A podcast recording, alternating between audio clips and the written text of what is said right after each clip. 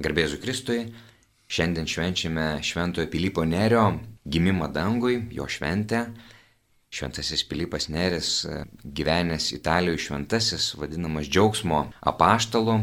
Ir šiandien susirinkom penki Vilniaus Šventojo Pilypo Nerio oratorijos kunigai tam, kad pasidalinti savo džiaugsmu ir tai, kas mus atvedė į Šventojo Pilypo Nerio oratoriją Tai e, dabar kviečiu tada pradėti maldą, pradėkime maldą, nes Šventas Pilypas Neris ypatingą pamaldumą turėjo šventai dvasiai ir šventoji dvasia buvo vedlys per visą jo gyvenimą.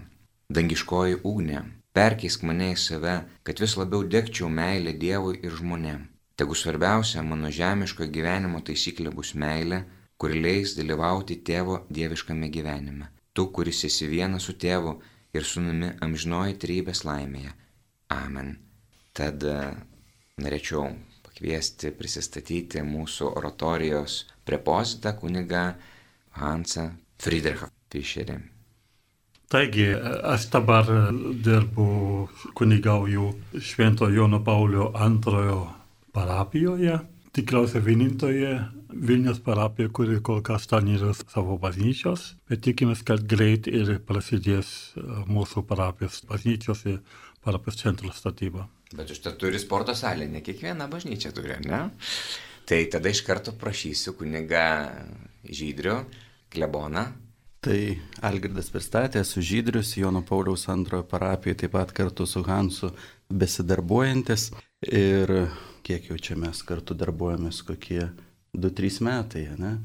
Tai va, kartu darbuojamės tenais ir stengiamės, kad pilypo dvasingumas taip pat ten šiek tiek pasklistų. Esu kunigas Marius Žitkauskas, jau ketvirti metai dabar esu palaiminto Jurgio Matolaičio parapijos vikaras ir nuo 2016 Hans ir neberots jau kaip oratorijos bendrakeleivis 15. -ojo. Esu kunigas Viktoras, beveik tris metus tarnauju Vilniaus palaiminto Jurgio Matolaičio, vikaras esu, jaunas kunigas ir esu jau priimtas į bendruomenę Ir irgi apie keturis, penkis metus jau tikrai dalyvauju bendruomenės oratorijos gyvenime.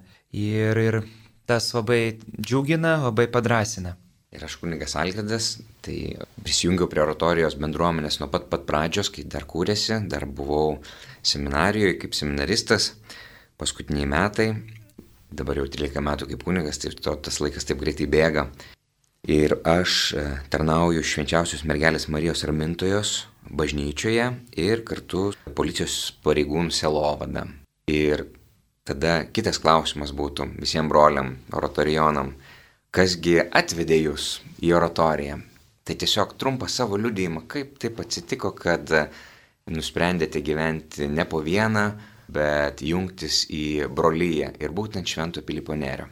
Prieš tai norėčiau pridėti, kad e, kai prisijungė prie mūsų kunigos Žydulas, Marijos ir Viktoras, mūsų dvasinis gyvenimas tikrai pakilė vieną žingsnį viršiau. Man, aš esu labai dėkingas už tą dvasinį įnašą jų Taigi, kaip aš prisijungiau į oratoriją, tai labai paprastas dalykas. Studijavau Leipzigė slavistiką, anglistiką ir e, studentų klebonijoje klebonavo tada oratorijonai. Ir vienas, Wolfgang Tilling, ir kitas Klemens Rosman padarė man, man labai didelį įspūdį.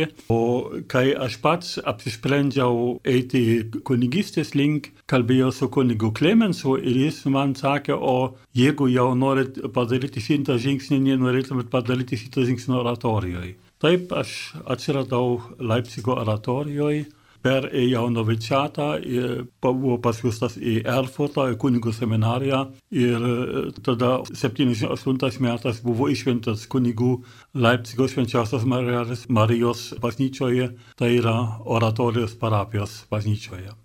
Gal dar Lietuvoje atsiradau, pirmą kartą į Lietuvą važiavau 72 metais, todėl kad mes Leipzigą organizavom tokias studentų stovyklas katalikų studentams iš Rytų Europos.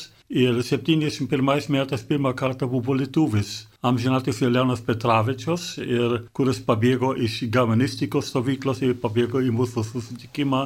Ir taip atsirado kontaktas su Lietuva. Pastovai gyvenu Lietuvoje nuo 97 metų, kada kardinolas Batskis mane pakvietė vadovauti kunigų seminariją. Ir turbūt ir ta oratorija Lietuvoje, ar ne, kažkaip tai gimė čia bebūnant. Nu, buvo įdomu, kad pradžia buvo tokia, kad kai baigė savo pirmą kadenciją kaip rektorius, keturi klerikai ir jauni kunigai atėjo pas mane ir klausė, ar būtų įmanoma su manim įkurti oratoriją. Tai prasidėjo oratorija, nors iš šito keturių paskui ne vienas netapo oratorionu, bet tapo kunigais. Vienintelis iš tos pačios pradžios, kuris yra likęs, yra kunigas Algirdas. Kunigai Žydriau, kokia jūsų istorija? Kas jūs patraukė prie Prie Pilypo, turbūt, Taip, ne? prie Pilypo, prie oratorijos. Aš nežinau, kas, kas labiau sužavėjo. Pilypo Nerio asmuo, o galbūt bendruomeninis gyvenimas. Nu, tiesiog, kas, kas patraukė? Kodėl? Kodėl toks keistas, netradicinis sprendimas? Tai apie oratoriją mes su vienu kursiniu jau mąstėm seminarijai, galvojom. Tik tai vis tam tikri dalykai mums atrodė dar nelaikas. Ne? O kaip atėjom, vat, buvo tas žingsnis, kada jau laikas, tarsi laikas. Tai kažkaip tai vienu metu, ir manau, kad tai yra šventosios dvasios veikimas, skirtingus kunigus subūrė ir mes susitikom kartu tuo metu, kai bažnyčia šventė 500 metų jubiliejų Pilypo Nerio gimimo. Ir tada mes keturi kunigai, taip vienais kitais keliais susibėgom dar prieš pareiškiant norą oratorijai, kartu pasikalbėjom ir pagalvom, kad norim eiti oratorijos link. Tai va tada mes keturi kunigai atėjom ir, ir Hansui pasakėm po kažkokio susirinkimo seminarijoje, kunigų susirinkimo rots, kad norėtumėm eiti į, į, į oratoriją. O kas pačioje oratorijoje žavi, tai turbūt dvasingumas, kylantis iš paties Pilypo Nerio, jo gyvenimo būdas, jo žmogiškumas, charizma, kiti dalykai, bet manau apie tai mes dar truputėlį pakalbėsim vėliau, ne? Tai tiesiog Tai aš esu vienas iš tų keturių kunigų, Marius, kurie pradėjo svarstyti apie tą bendruomeninį gyvenimą oratorijoje. Bet e, mano pradžia tai buvo patys pirmieji kunigystės metai, kuomet supratau, kad nenoriu būti vienas šioje tarnystėje ir ėmiau dairytis bendrystės galimybių, peržvelgiu įvairius vienuolynus, jų charizmas, meldžiausi dėl to daug ir klausiau viešpaties, kuriam vienuolynė norėtum mane matyti. Ir aiškiai supratau, kad, nu, ne vienuolyje ir ne dabar, kai tu svarstai. Nu ir atėjo 2015 metai, aš per aplinkų išgirdau, kad vienas kitas kunigas atskirai nuo manęs irgi kalba apie bendrystę ir, ir apie bendrystę Pilypo Nerio oratorijoje. Aš perskaičiu tai kaip ženklą ir prisijungiau prie jų svarstymų, na ir galų gale įstojau į oratoriją. Kas mane patraukė į šią bendruomenę, tai, tai kaip ir pradžioj minėjau, pirmiausiai e, bendrystės troškimas, nenoras e, būti kunigu vienišiumi, vienišu vilku, kažkur klebonijoje užsidariusiu, ar gal net semberniu tapusiu. Matau oratoriją kaip galimybę nepasenti, būti visada džiugiam, nes bendruomenė priverčia tave, ypač pusryčių metu ar šiaip pakeliui susitikęs ant laiptų pajokauja ir įvairūs dalykai labai padeda neužsidaryti savyje. Viktorai. Esu jaunesnysis brolis oratorijos, tai girdėjau apie oratoriją seminarijoje ir, ir kursų išvykos buvo, tai kažkodėl mes su kursu pasirinkom paskutinę stotelę šventas mišęs aukoti ir agapę su oratorionai susitikti. Ir, ir, ir tai mus nu, labai nuo padrasino. Ir kartu man kažkaip irgi padrasino, kad labai būdas Pilypo atitinka, labai patraukė ir, ir tokia trauka yra dvasinė. Aišku, jaunas kunigas, tai gera dalintis patirtimi su kunigais ir prašyti patarimo ir pagalbos. Tai irgi palaiko, gerai, kad koplyčia yra, ir kartu irgi, kad irgi tokio labai svarbi ta nuolatinė formacija, kad, kad ir, ir priverčia ir ne tik melstis tas tokio, bet skaityti, domėtis, dalintis, tai labai padeda kunigystėje irgi.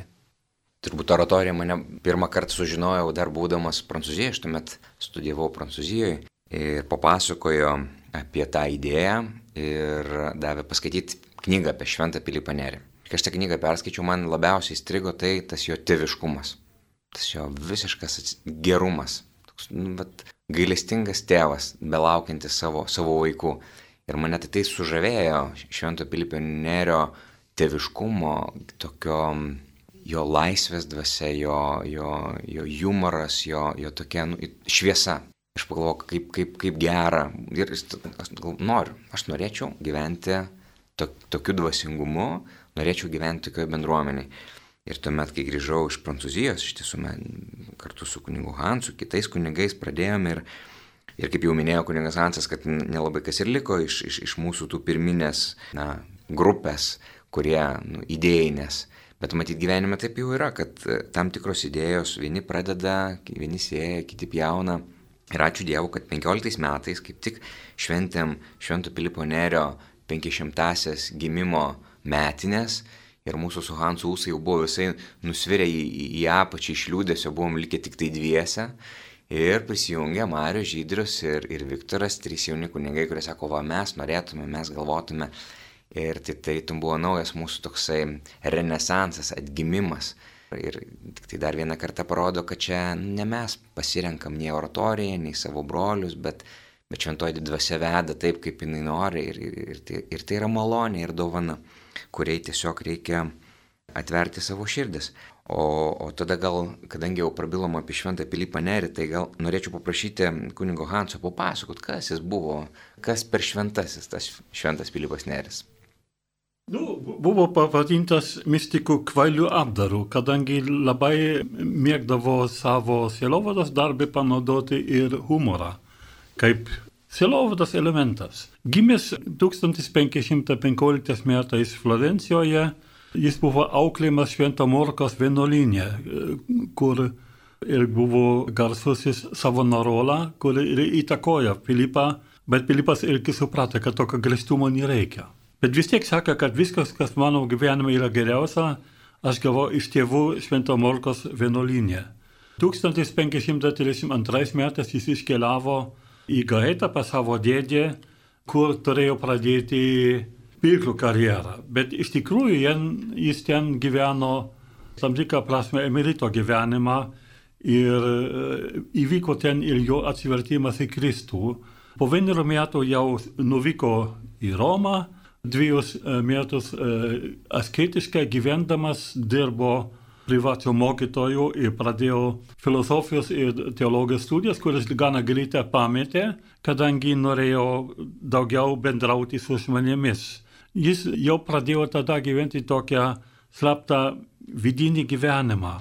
Dažnai lankydavo Švento Sebastiano katakumbose ir ten 1544 metais sėkminės dieną turėjo savo, kaip jis pats sako, savo dvasinės sėkminės. Šventoji dvasia išrinko Pilipą savo įrankiu ir pats Filipas apie tai beveik iki savo mirties nekalbėjo. Romoje tuo laikotarpiu klistėjo toks paladus gyvenimas ir Filipas pasistengė surinkti žmonės ir kalbėti jiems apie tėvą. To pasisekti padėjo jam geras humoro jausmas ir jo gerumas.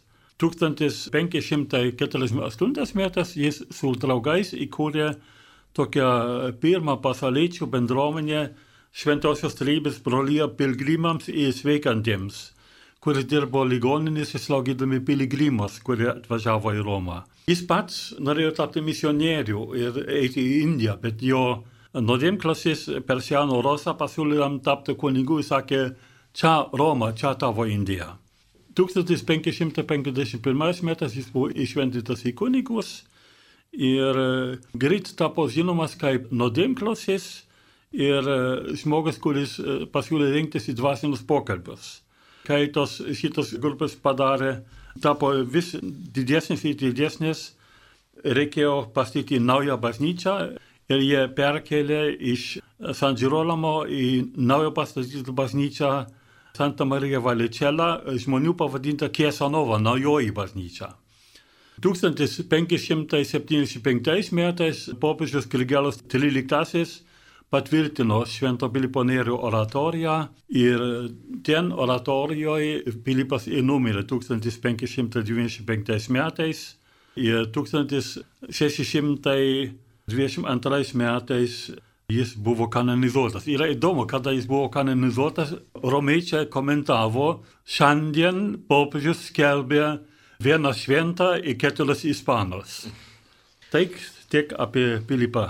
Ačiū labai. Tai kadangi girdėjom, kad Pilypas Neris įkūrė oratoriją ir pastatė naują bažnyčią Kiezanovą, tai norėčiau paprašyti Žydriaus, kad, kuris irgi dabar stato naują bažnyčią Pašilaičiuose, Švento Jono Pauliaus antrojo. Tai, tai šitą bažnyčią irgi Jeigu Žydriau galėtum truputėlį papasakot apie tiek apie oratoriją, apie bendruomenę, tiek apie na, tai, kas, tai, kas pastumėjo Šventą Pilypą Nerį statyti bažnyčią, tai ir buvo ta jau gimusi bendruomenė, tai buvo ta pastoracinė veikla.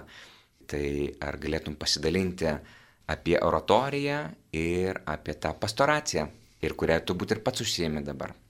Tai taip, bažnyčia vadinsis ne Pilypo Nerio, Jono Pauliaus antrojo, bet turim vilties, kad kažkada tai tenai įsišaknys ir Pilypo dvasingumas, Dievui vedant ir viskupams galbūt laiminant. Tai toj oratorija, pati kaip gimė Hansas jau truputėlį užsiminė, iš tokios bendrystės, pirmiausia, iš bendrystės tarp pasauliečių, tarp Pilypo Nerio, tarp šventojo rašto skaitimų, susibūrimų. Ir tame jau pradėjo formuotis tas pirminis e, Pilypo Nerio oratorijos, nežinau, dvasingumas, gyvenimo būdas. Tai kai susirinkdavo žmonės kartu į vieną vietą, tiek kunigai, tiek pasauliečiai sulaukdavo tie susitikimai ir nemažai tuo metu kilmingųjų dėmesio, bet Pilypas Neris visada rodė tą dėmesį vargšams ir vargšams ir dvasinė prasme, ir materialinė prasme. Tai tiesiog jie ten susirinkdavo kartu, skaitydavo Dievo žodį, diskutuodavo, kas tuo metu turbūt irgi nebuvo labai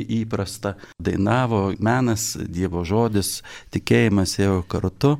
Ir, ir tai ir šiandien šiek tiek atsispindi oratorijos konstitucijoje. Bet jeigu taip mąstate, kas yra šiais laikais oratorija, tai pirmiausia yra apaštalinio gyvenimo draugija kaip ją įvardinė konstitucija. Ir toji draugija pirmiausia yra mm, nesaistoma kažkokių vienuolinių įžadų, kas neretai apie mus galvoja, kad esam tarsi vienuoliai.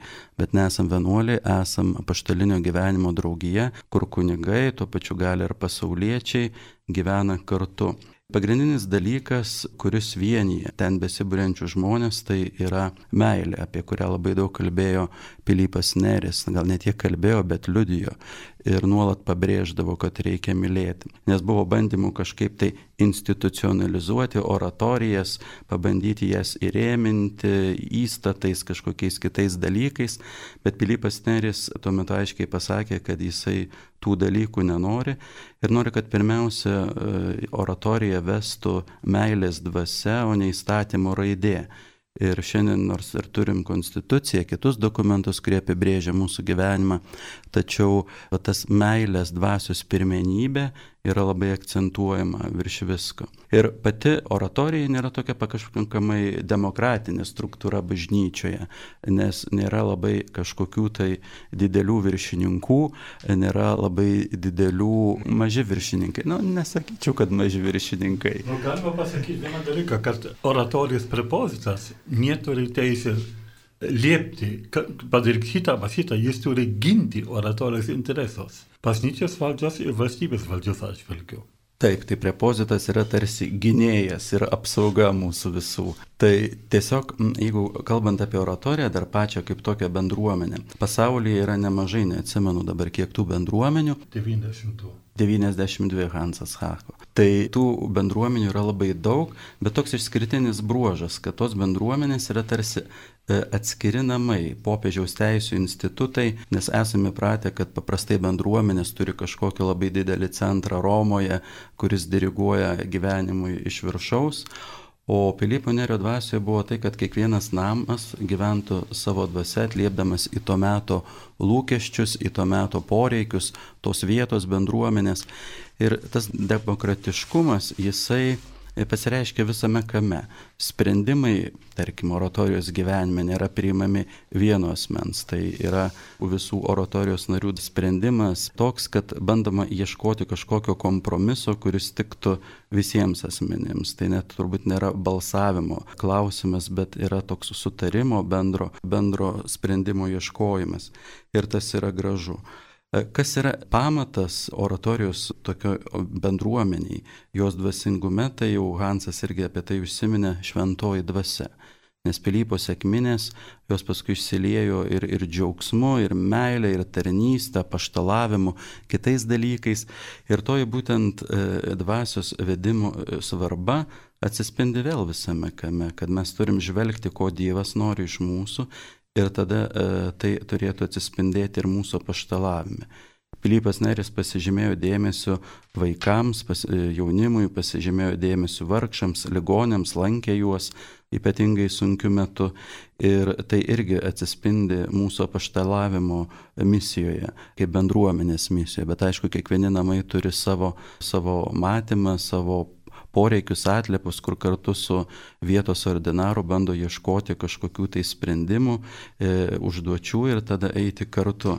Tai tiesiog e, šventoji dvasia. Ir dar Pilypas savyje turėjo tokį beribį pamaldumą, aišku, nukryžiuotam Jėzui Kristui. Nemažai apmastydavo kančią, nes ir pats savo gyvenime, kadangi buvo pakankamai reformatorius, netelpantis į rėmus, tai nemažai susidūrė su kančia ir bažnyčioje, ir pasaulyje. Tai va šliedavosi prie nukryžiuotojo. Ir kitas dalykas - meilė mergeliai Marijai, kurią jis irgi nekarta, nekarta yra akcentavęs. Tai tiesiog o, tie dalykai, kurie realiai yra ir mūsų katalikiško tikėjimo pagrindai, tai jie labai buvo giliai įsišaknyję jo asmenyje. O jeigu kalbant apie šiandieninės tarnystės darbus ir, ir, ir, ir kažkokius užduotis, tai irgi turbūt bandom įsiklausyti, ko Dievas nori ir į tai atliepti. Ir būtų galima sakyti, kad oratorija šiuo metu darbuojasi e, keliomis kryptimis kaip tokia. Tai viena vertus bandome darbuotis Pašilaičių parapijoje, nuo Pauliaus antrojo parapijoje du oratorijonai e, ir keli oratorijonai e, Matulaičio bažnyčioje ir taip pat kuningas Elgis ramintojui. Tai tiesiog žvelgiam, kur ten Dievas veda, ko Dievas iš mūsų nori ir tiesiog bandom, kad tas Pilypo nerio dvasingumas per dėmesį žmogui, asmeninį dėmesį, nes jis buvo labai betarpiškas žmogus, ėjo į asmeninį kontaktą, nebuvo kunigas iš ambonos ar kažkur aukštai sakyklos, bet buvo kunigas šalia žmogaus ir labai daug skyrė dėmesio santykiui su žmonėmis ir, ir išpažinčiai ir kitiems dalykams, bet apie tai gal papasakos kiti. Ne? Bet tiesiog atstengiamės, kad ten, kur esam, tie dalykai taip pat atsispindėtų ir mūsų dabartinėse tarnystės vietose. O kur ten Dievas ves, tai pamatysim. Tai kadangi mūsų tas laikas, kad ir labai smagus, bet jau jaučiu, kad eina į pabaigą, tai svarbu, kad man manyčiau, kad dabar būtų labai gera, kad kiekvienas Filipas Neris buvo tokia išskirtinė asmenybė. Ir va, kaip, kaip minėjau, ir tas jo teviškumas ir jo laisvės dvasia, ir jo humoras, sugebėjimas pačiose sudėtingiausiose situacijose ir kiti dalykai, ar ne, kurie tokie išskirtiniai ir, ir, ir, ir, ir uždegantis. Tai gal tada mes tiesiog pasidalinkim kiekvienas tuo, kas labiausiai vat, atliepia ir kas, kas labiausiai jūs žavi Švento Pilypo Nerio asmenyje ir kaip, kaip jum patiems tai duoda tokį impulsą ar, ar, ar troškimą gyventi šventąją dvasę. Tai gal tada ir apsukime ratą, kiekvienas pasakykime, kuo, kuo mes iš Šventojo Pilypo nėra gyvenam. Iš tikrųjų, pradėkime nuo mūsų jaunesniojo brolio Viktoro. Man labai sustiprino mane ir kad būčiau oratorijoje, tai mūsų piligrimystė į Romą, malda katakombose ir Kiezanova ir, ir, ir kartu mūsų išvyka pas brolius oratorijonus į Radomą, į Lenkiją. Tai tokie du buvo. Ir aišku, mūsų bendrystės mes nuolat susitinkam, nuolat išvažiuojam ir, ir formacijai, palisėti kartu. Tai tas labai tokio susipažinimas su Pilypu pačiu. Nu, kaip į jį žiūriu, tai man viskas atitinka. Visos jo toks universalus yra šventasis ir, ir, ir na, tikrai daug dalykų atliepia iš jo gyvenimo, charakterio, būdo ir tai padrasina. Pilypo tėviškumas tai toks vat, patraukė, kad mes turim koplyčią ir tokia aukštutinį kambarį, tai galima žmogų pakviesti ir išpažinčiai dvasiniam vadovavimui žmonės mėgsta šitą vietą, ypatogi yra netoli centro. Tai tas ir aišku maldos žmogus, pasitikintis Dievo malonę, vedimų, kad pats turėjo dvasios tėvą ir girdėjo, klausė jo, tai tai svarbu. Ir, ir ką minėta buvo, kad patarnavo visiems. Tai va jo tėviškumas, laisvė jo labiau per tai, kad jis, na, toks vis pasirinka dangų, rinkosi rojų, sakė, arba tokie žodžiai man įstrigo, darykime savo, tai tokie paskatina koncentruotis į parapijos reikalus, tą asmeninį santykį su žmonėm, maldą už žmonės. Ir tai padeda praktikuoti brevijoriaus maldą ir, ir kitas. Na ir aišku, tas toks universalumas, kad, nu tikrai pas visus eiti. Na ir aišku, ta džiaugsmo dvasia. Džiaugsmo dvasia, kad laikai buvo sunkus, tai per joką išjudindavo žmonės ir, nu tikrai padėjo tokio labai daug gerumo, daug tokio geros nuotaikos turėti. Tai tas mane patraukė. Mario. Mane gal labiausiai žavi Pilypė Nerija tas jo gerumas ir dvasinė tėvystė. Jisai buvo bažnyčios reformatorius, bet vienas iš labiausiai jam patikusių būdų tai klausykla, per kurią jisai reformavo bažnyčią.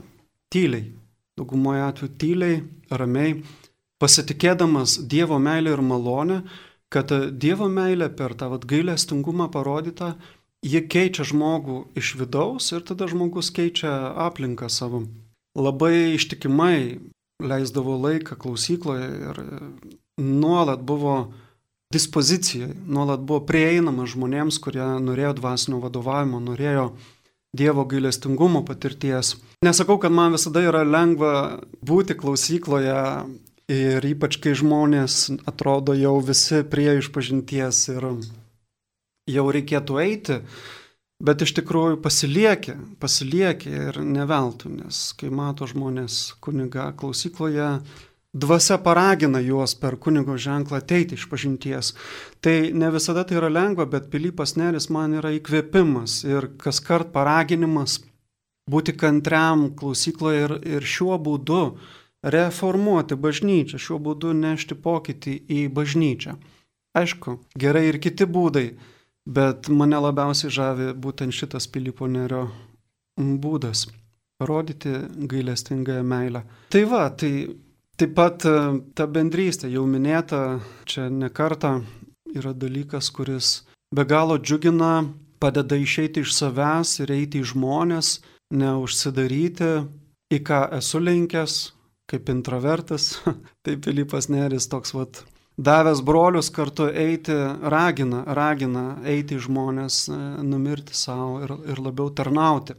Ir aš matau brolių pavyzdį, aš matau jų užsidegimą, aš jaučiuosi evangelizuojamas savo brolių, kaip mylėti žmonės, kaip labiau atsiduoti, kaip netapti grūdu, kuris pasilieka vienas, bet tapti grūdu, kuris apmiršta ir duoda gausių vaisių. Tai ačiū tau, Pilypai, už šitą oratorijos dovaną ir už tos brolius.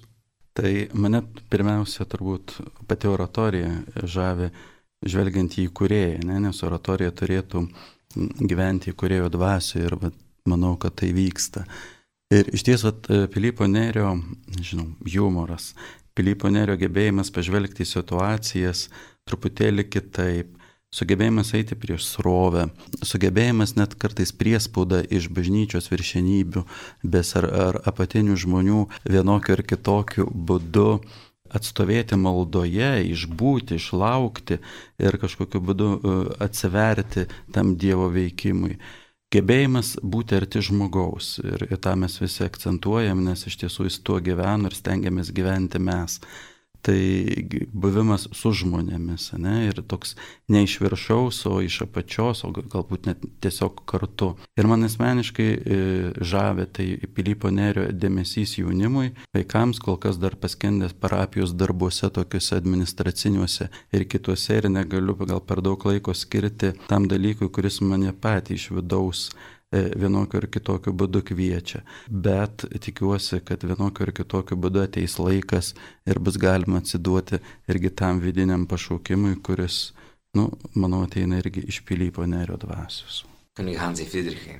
Turėčiau pripažinti, kad vienas iš svarbiausių priežasčių, kodėl įsijungia į oratoriją ir ne į kokią nors vienuolyną, buvo to, kad oratorija nėra įžadas. Ypač pats puikiai žinau, kad niekados negalėčiau gyventi bendruomenėje, kur yra paklusnumo įžada. Todėl, kad puikiai suprantu, kad jeigu būtų kvailas viršininkas, kuris padas kvailius sprendimus, tikrai prieštaraučiau.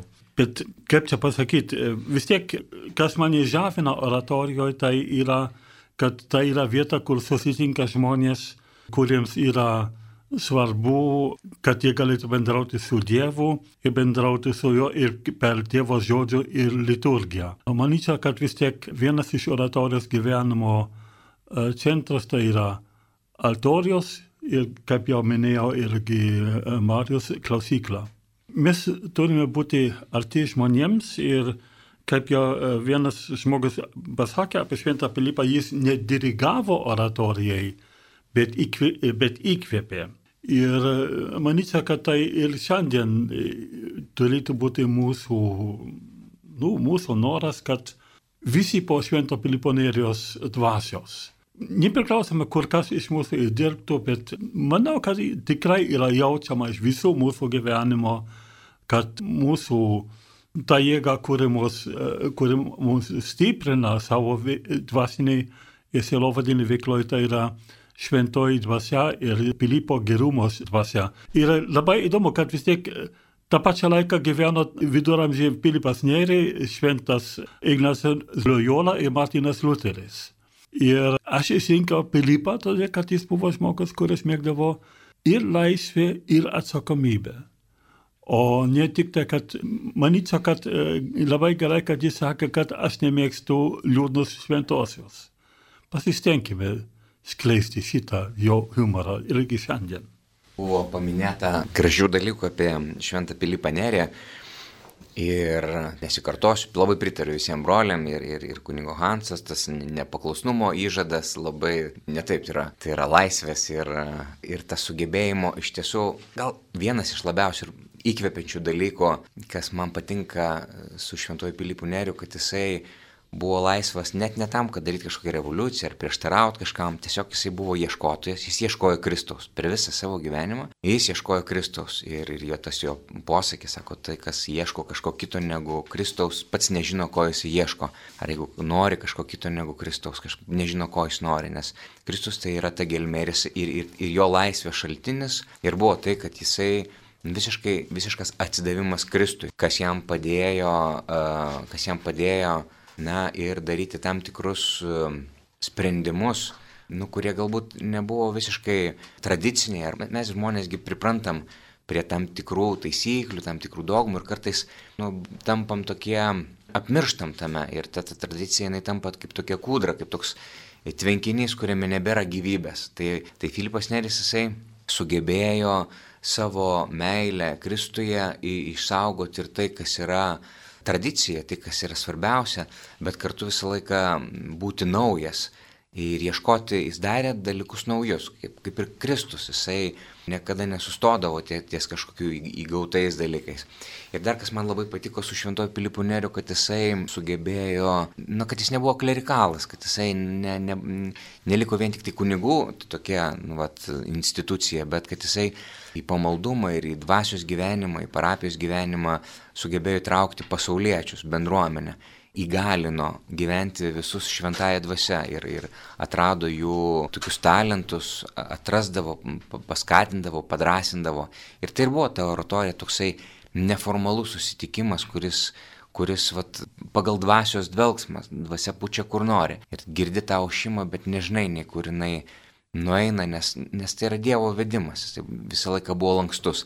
Ir tai, tai, tai iš tikrųjų labai žavintis dalykas, kuris manau, kad Ir šių laikų bažnyčia yra begaliniai svarbus, reikalingas, ypatingai ir mes dabar esame daug kur tokiuose kryškelėse ir patys nežinom, kaip tikrai reikėtų padaryti, kaip reikia geriau ir kartais atsiranda didelis susipriešinimas ar tradicija, ar liberalios rovės ir, ir, ir tai va tai tas ieškojimas su Kristumi ir su džiaugsmo dvasia, ką, ką Filipas Neris visą laiką sugebėjo išsaugoti net ir pačiuose didžiausiuose persikiojimuose išlaikyti džiaugsmo dvasę ir, ir humorą.